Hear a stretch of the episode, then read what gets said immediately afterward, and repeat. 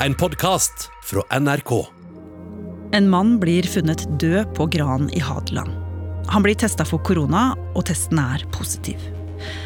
Og når smittesporerne nøster i saken, viser det seg at mannen hadde nekta å søke hjelp, til tross for at han hadde hatt koronasymptomer en god stund. Hva er det som får noen til å nekte legehjelp, selv om de er dødssyke?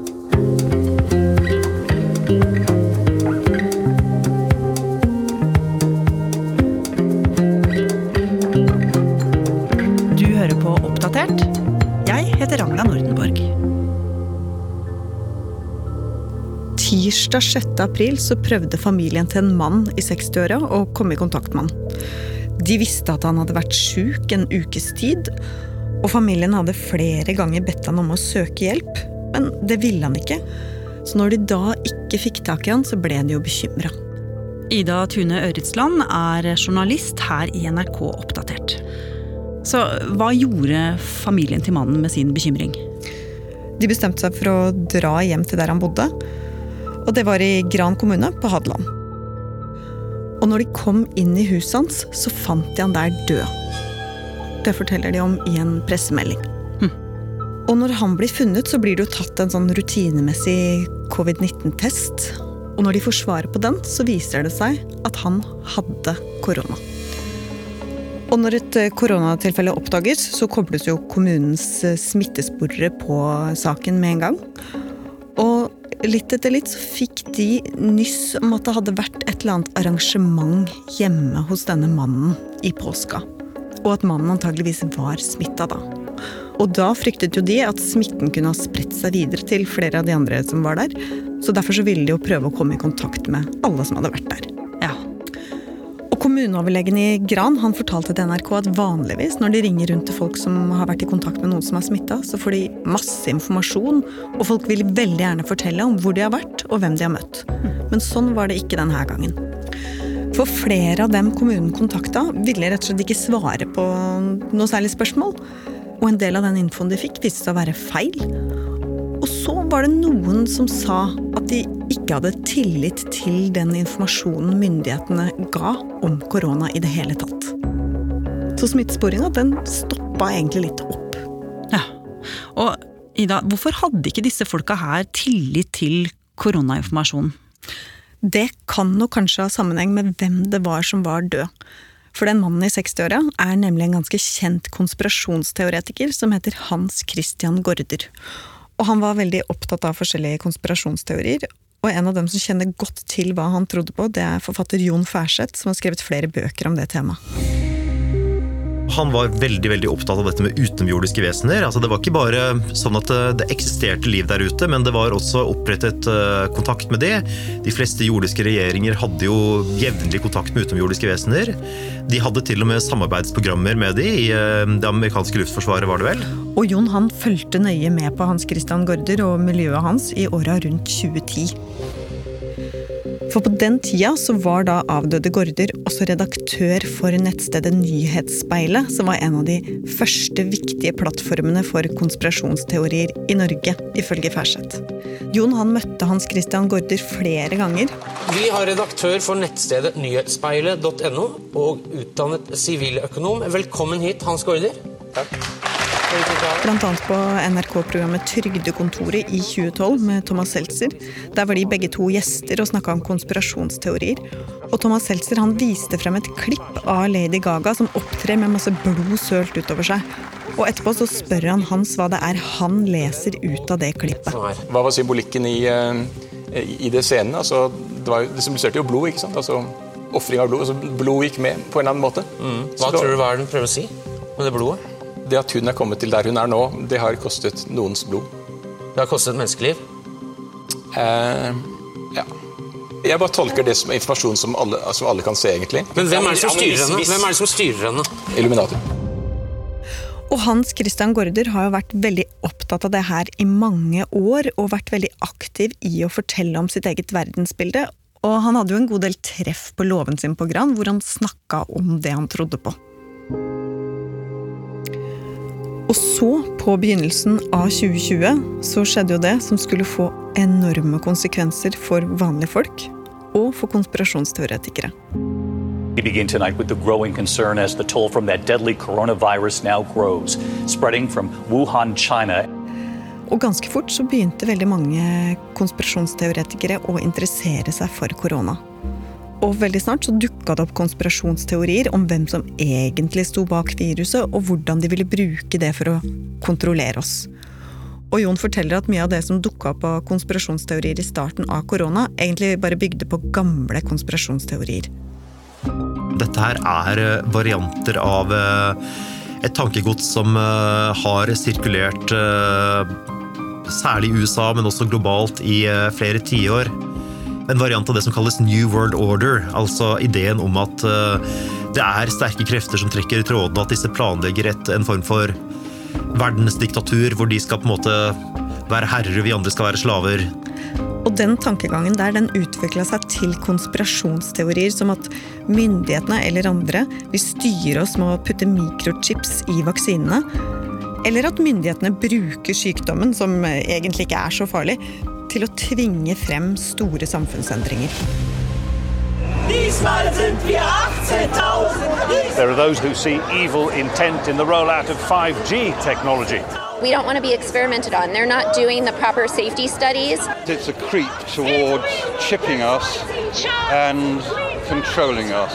This world is controlled by a cult that dictate the direction of the world. Talking to people that support the New World Order. You're morons. Og en av dem som begynte å gå inn i koronakonspirasjonsteorier, det var jo Hans Christian Gaarder. Han satt hjemme på Gran og begynte å poste på Facebook bl.a. at koronaen bare var en bløff. Og han spurte retorisk om koronatiltakene kunne være en måte å kamuflere at viruset ikke sprer seg fra person til person på. Og så skrev han til følgerne sine at husk at mediene er løgnere og svikere, og det er politikerne også. Og selv om det var korona, så fortsatte Gaarder å arrangere disse møtene hjemme på låven sin. Og den 26. mars så svingte det flere biler inn på gårdsplassen hans. Og det er folk som har kommet for å høre Gaarder snakke om Trump og veien videre for USA, ifølge nettsiden hans. Og de prata sammen om dette her i noen timer, før de litt utpå kvelden dro hjem hvert til sitt. Og ca. det samme gjentok seg dagen etterpå. Selvsagt helt uvitende om hva som skulle skje. Og så gikk det jo ikke så veldig lang tid før Hans Christian Gaarder fikk de første symptomene på korona. Og det var etter at han fikk disse symptomene at eh, noen i familien jo prøvde å få ham til å oppsøke hjelp. Som de dessverre ikke lyktes med å overtale ham til å gjøre pga. overbevisningen hans. Og den samme utfordringen fikk jo også da smittesporerne i det. Ja, og etter at det ble kjent at Hans Christian Gaarde var død, så var det jo flere på sosiale medier som hevda at det bare rett og slett ikke kunne stemme at han hadde dødd av covid. Og noen mente at han måtte ha blitt drept, og andre hevda at det måtte være myndighetene som sto bak. Så det var veldig mange forskjellige teorier som svirra rundt etterpå. 200 personer hadde møtt opp til en demonstrasjon mot koronatiltakene foran Stortinget lørdag. Og på en sånn ukentlig lørdagsdemonstrasjon mot koronatiltakene utafor Stortinget, så ble det holdt ett minutts stillhet for Hans Christian Gaarder. Velsignet være Hans Christian Gaarder og hans arbeider. Og så ble det brent munnbind, og Chartersvein var der. Nå har det gått altfor langt, dette her. Det er jo så mye logiske brister i det siste året at det nesten ikke går an å altså, kunne skrive bok om det. Og så ble det arrangert en stor gruppeklem. Okay,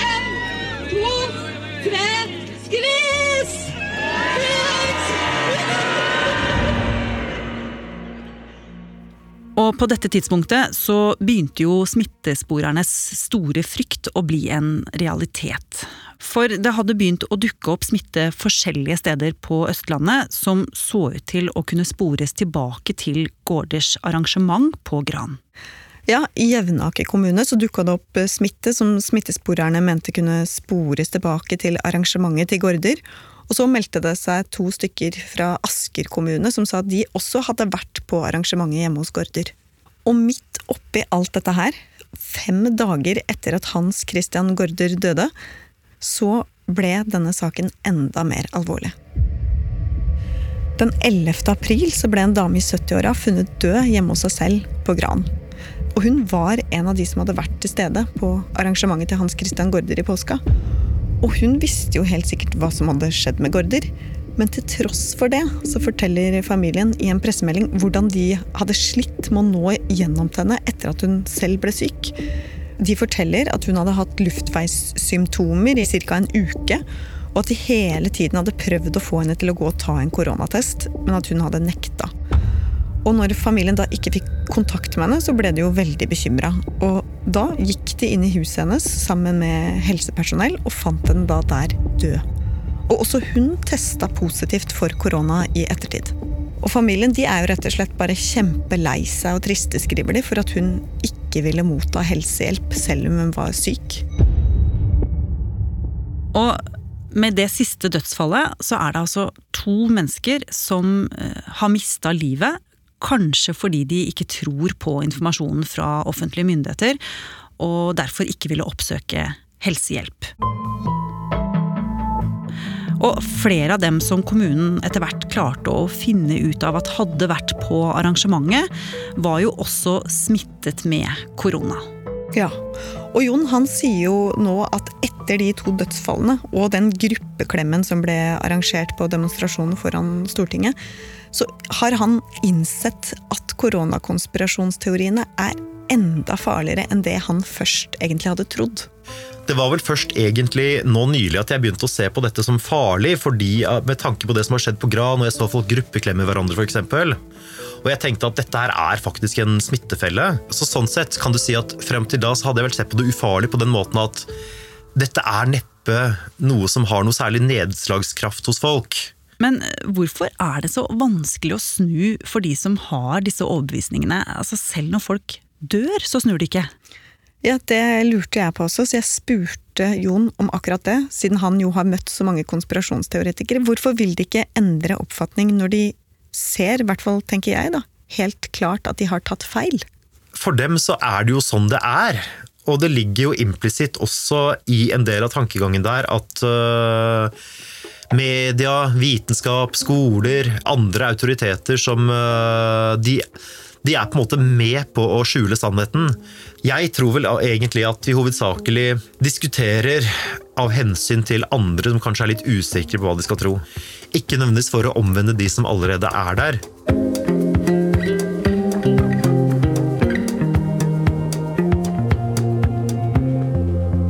Har du lyst til å bli fast lytter av oss i Oppdatert og få påminnelse om nye episoder, er det bare å følge oss i NRK radioappen.